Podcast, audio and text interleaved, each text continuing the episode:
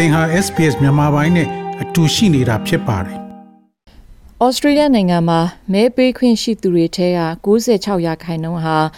မဲစည်းရင်ပေးသွင်းထားကြပြီဖြစ်ပါတယ်။အသက်ပြည့်သူဩစတြေးလျနိုင်ငံသားတိုင်းမဖြစ်မနေမဲပေးဖို့တာဝန်ရှိပြီးမဲစည်းရင်မှာနာမည်ပါရဲ့သားနဲ့မဲပေးဖို့ပြက်ကွက်ရင်ဒဏ်ကြေးပေးဆောင်ရနိုင်ပါတယ်။ဒီနှစ်စောပိုင်းတုန်းကမဲပေးခွင့်ရှိသူလူပေါင်း 9သိန်း6000ဟာမဲစင်းမှာနာမည်ပန်အောင်မတ်ပုံတင်မှုတွေမလုပ်ထားကြသေးဘူးလို့ပြောပါတယ်။မေလ21ရက်ကျရင် Federal ရွေးကောက်ပွဲကျင်းပဖို့ရှိပြီးတချို့ပညာရှင်တွေကတော့ဒီရွေးကောက်ပွဲမှာဘယ်ပါတီမှမဲအတာမရတဲ့ Hung Parliament ဖြစ်နိုင်တယ်လို့သုံးသပ်နေကြပါတယ်။လာထုတ်တက်ကရိုက EM2 လော့က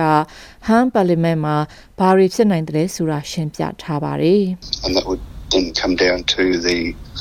uh, number of independents, there's seven at the moment. The independents would then determine uh, which of the major parties uh, forms the government. အဲ့ဒီလိုမျိုးဟမ်ပါလီမန်ဖြစ်ရင်တော့တတိပုဂ္ဂလအမတ်တွေအပေါ်သွားပြီးတော့မူတည်တာမျိုးဖြစ်နိုင်ပါတယ်အခုလောလောဆယ်တတိပုဂ္ဂလလွှတ်တော်အမတ်9ဦးရှိပြီးပါတီကြီးတွေက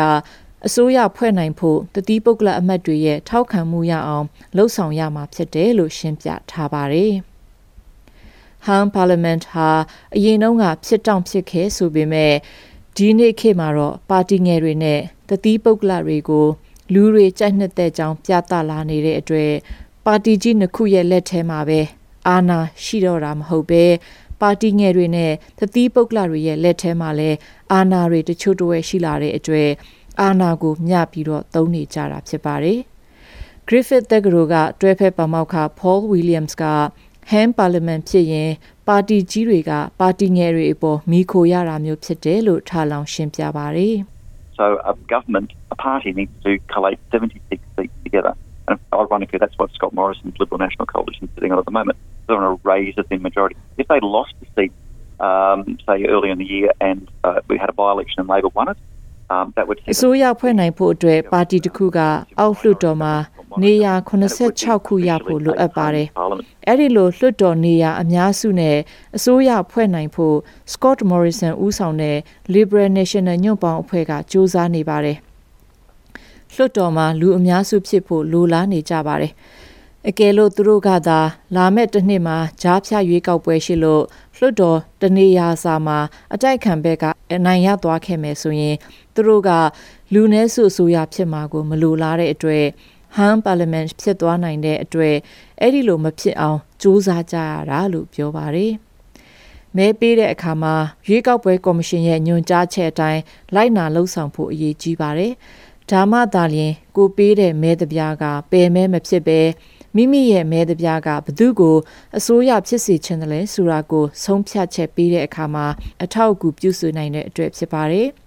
မဲထည့်ရမယ့်မဲစာရွက်ပေါ်မှာအမားတွေလုံမိရင်လဲစိတ်ပူစရာမလိုပဲနောက်ထပ်မဲစာရွက်တစ်ခုကိုတောင်းပြီးတော့မဲထည့်နိုင်တယ်လို့ရွေးကောက်ပွဲကော်မရှင် AEC ကပြောပါတယ်။နိုင်ငံသားတယောက်အနေနဲ့မဲပေးရမယ့်နေ့မှာတကြိမ်သာမဲပေးရမှာဖြစ်ပြီးရွေးကောက်ပွဲတစ်ခုမှာတကြိမ်ထက်မကမဲပေးရင်ထောင်ဒဏ်အထိကြခံရနိုင်ပါတယ်။ ရွေးကောက်ပွဲမကျင်းပခင်ကတည်းက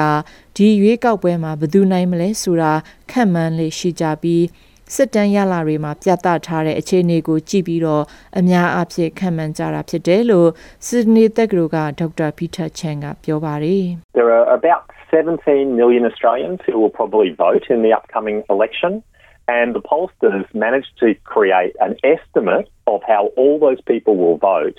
based on a, a sample လာမယ့်ရွေးကောက်ပွဲကြရင်မဲပေးကြမယ်ဩစတြေးလျနိုင်ငံသားအယောက်ပေါင်း18တန်းလောက်ရှိပြီး